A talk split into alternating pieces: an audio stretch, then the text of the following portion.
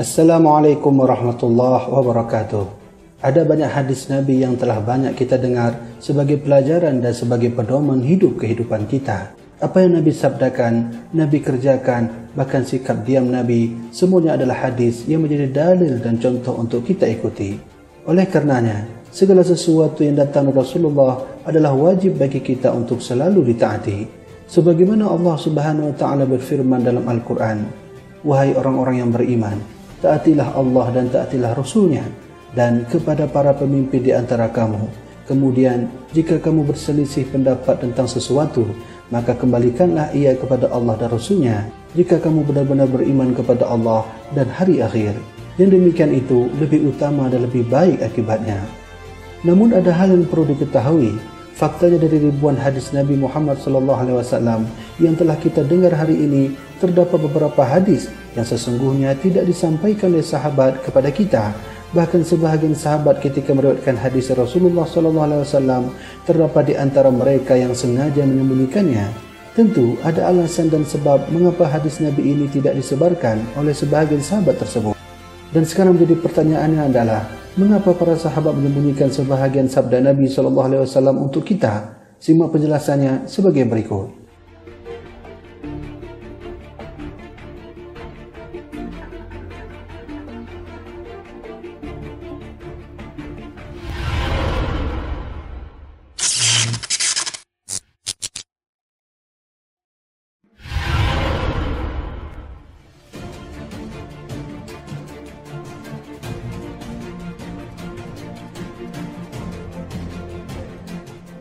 Di antara satu dari alasan yang lainnya adalah kerana sahabat merasa takut dan akan timbul masalah jika apa yang disebabkan Nabi diperdengarkannya kepada seluruh publik atau seluruh masyarakat muslim ketika itu. Salah satu contoh dapat kita sebutkan sebuah hadis yang pernah diriwayatkan oleh Abu Hurairah.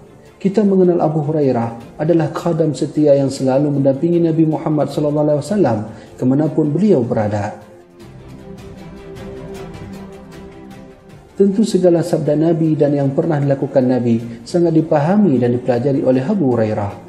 Namun dari sekian ribu sabda Rasulullah sallallahu alaihi wasallam terdapat beberapa hadis yang sengaja disembunyikan Abu Hurairah dari publik dan beliau tidak menyebarkannya. Di antara hadis yang tidak disebarkan itu adalah seperti mana yang pernah dikatakan beliau, aku menyimpan dua wadah, dua karung ilmu dari Rasulullah sallallahu alaihi wasallam Salah satunya telah aku sebarkan kepada manusia, sedangkan satunya lagi jika aku sebarkan maka pasti leherku dipenggal. Ketika Abu Hurairah berkata demikian, tentu para ulama bertanya-tanya, ada gerangan apa yang terjadi sehingga beliau dapat berkata demikian? Kerana masyarakat muslim telah mengetahui dan sangat memahami keilmuan Abu Hurairah dalam meriwayatkan segala hadis Nabi wasallam hingga beliau tak pernah lupa menyebarkannya.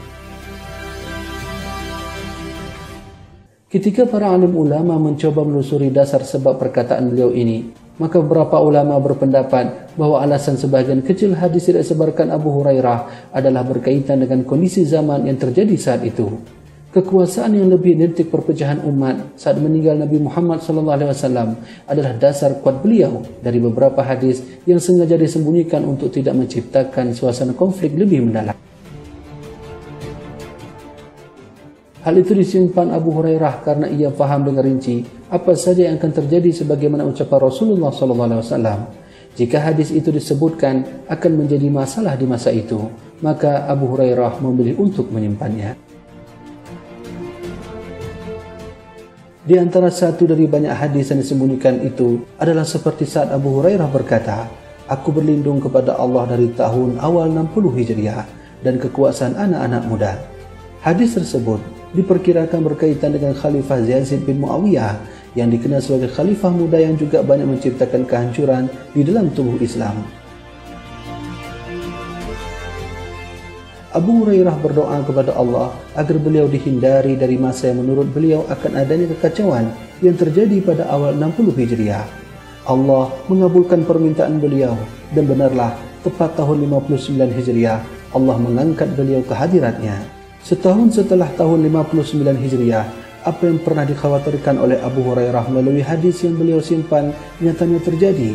ketika Khalifah Yazid menjadi pemimpin dan umurnya masih sangat muda, semua orang yang tidak menyetujui pendapatnya dan menolak segala keputusannya akan dipenggal leher hingga mati.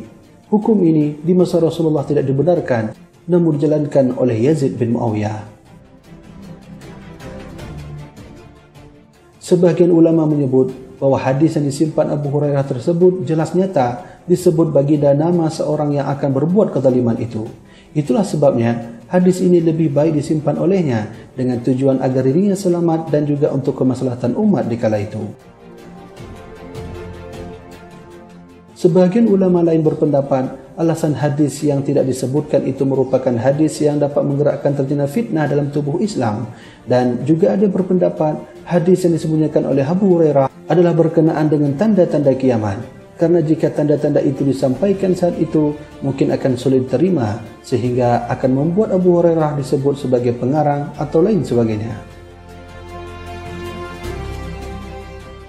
Hingga hari ini, isi atau matan hadis yang disembunyikan Abu Hurairah tidak ditemukan. Para ulama menganggap tidak hanya satu hadis tentunya yang telah disembunyikan, namun juga terdapat beberapa hadis yang lainnya yang disimpan oleh Abu Hurairah. Salah satu hadis yang disimpan beliau adalah hadis berkenaan tentang kekacauan dan fitnah sebagaimana yang telah dikhawatirkan oleh Abu Hurairah di atas.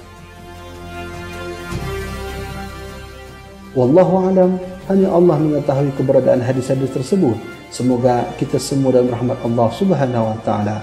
Semoga penjelasan ini bermanfaat. Wallahu alam bisawab. Wassalamualaikum warahmatullahi wabarakatuh.